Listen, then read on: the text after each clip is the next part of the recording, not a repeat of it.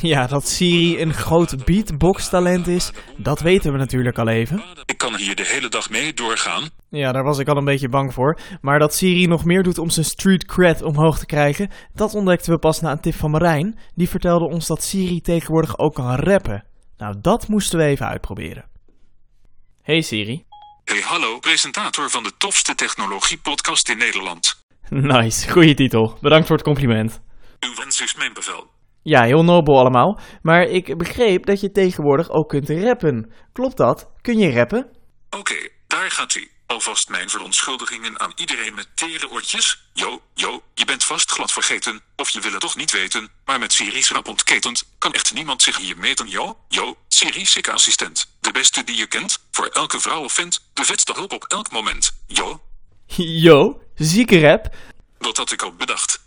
Mhm. Nou ja, meer van dit soort ongein vind je in de Techsnacks tussendoortjes. De kleine soundbites of korte uitzendingen die we naast de reguliere Techsnacks podcast publiceren.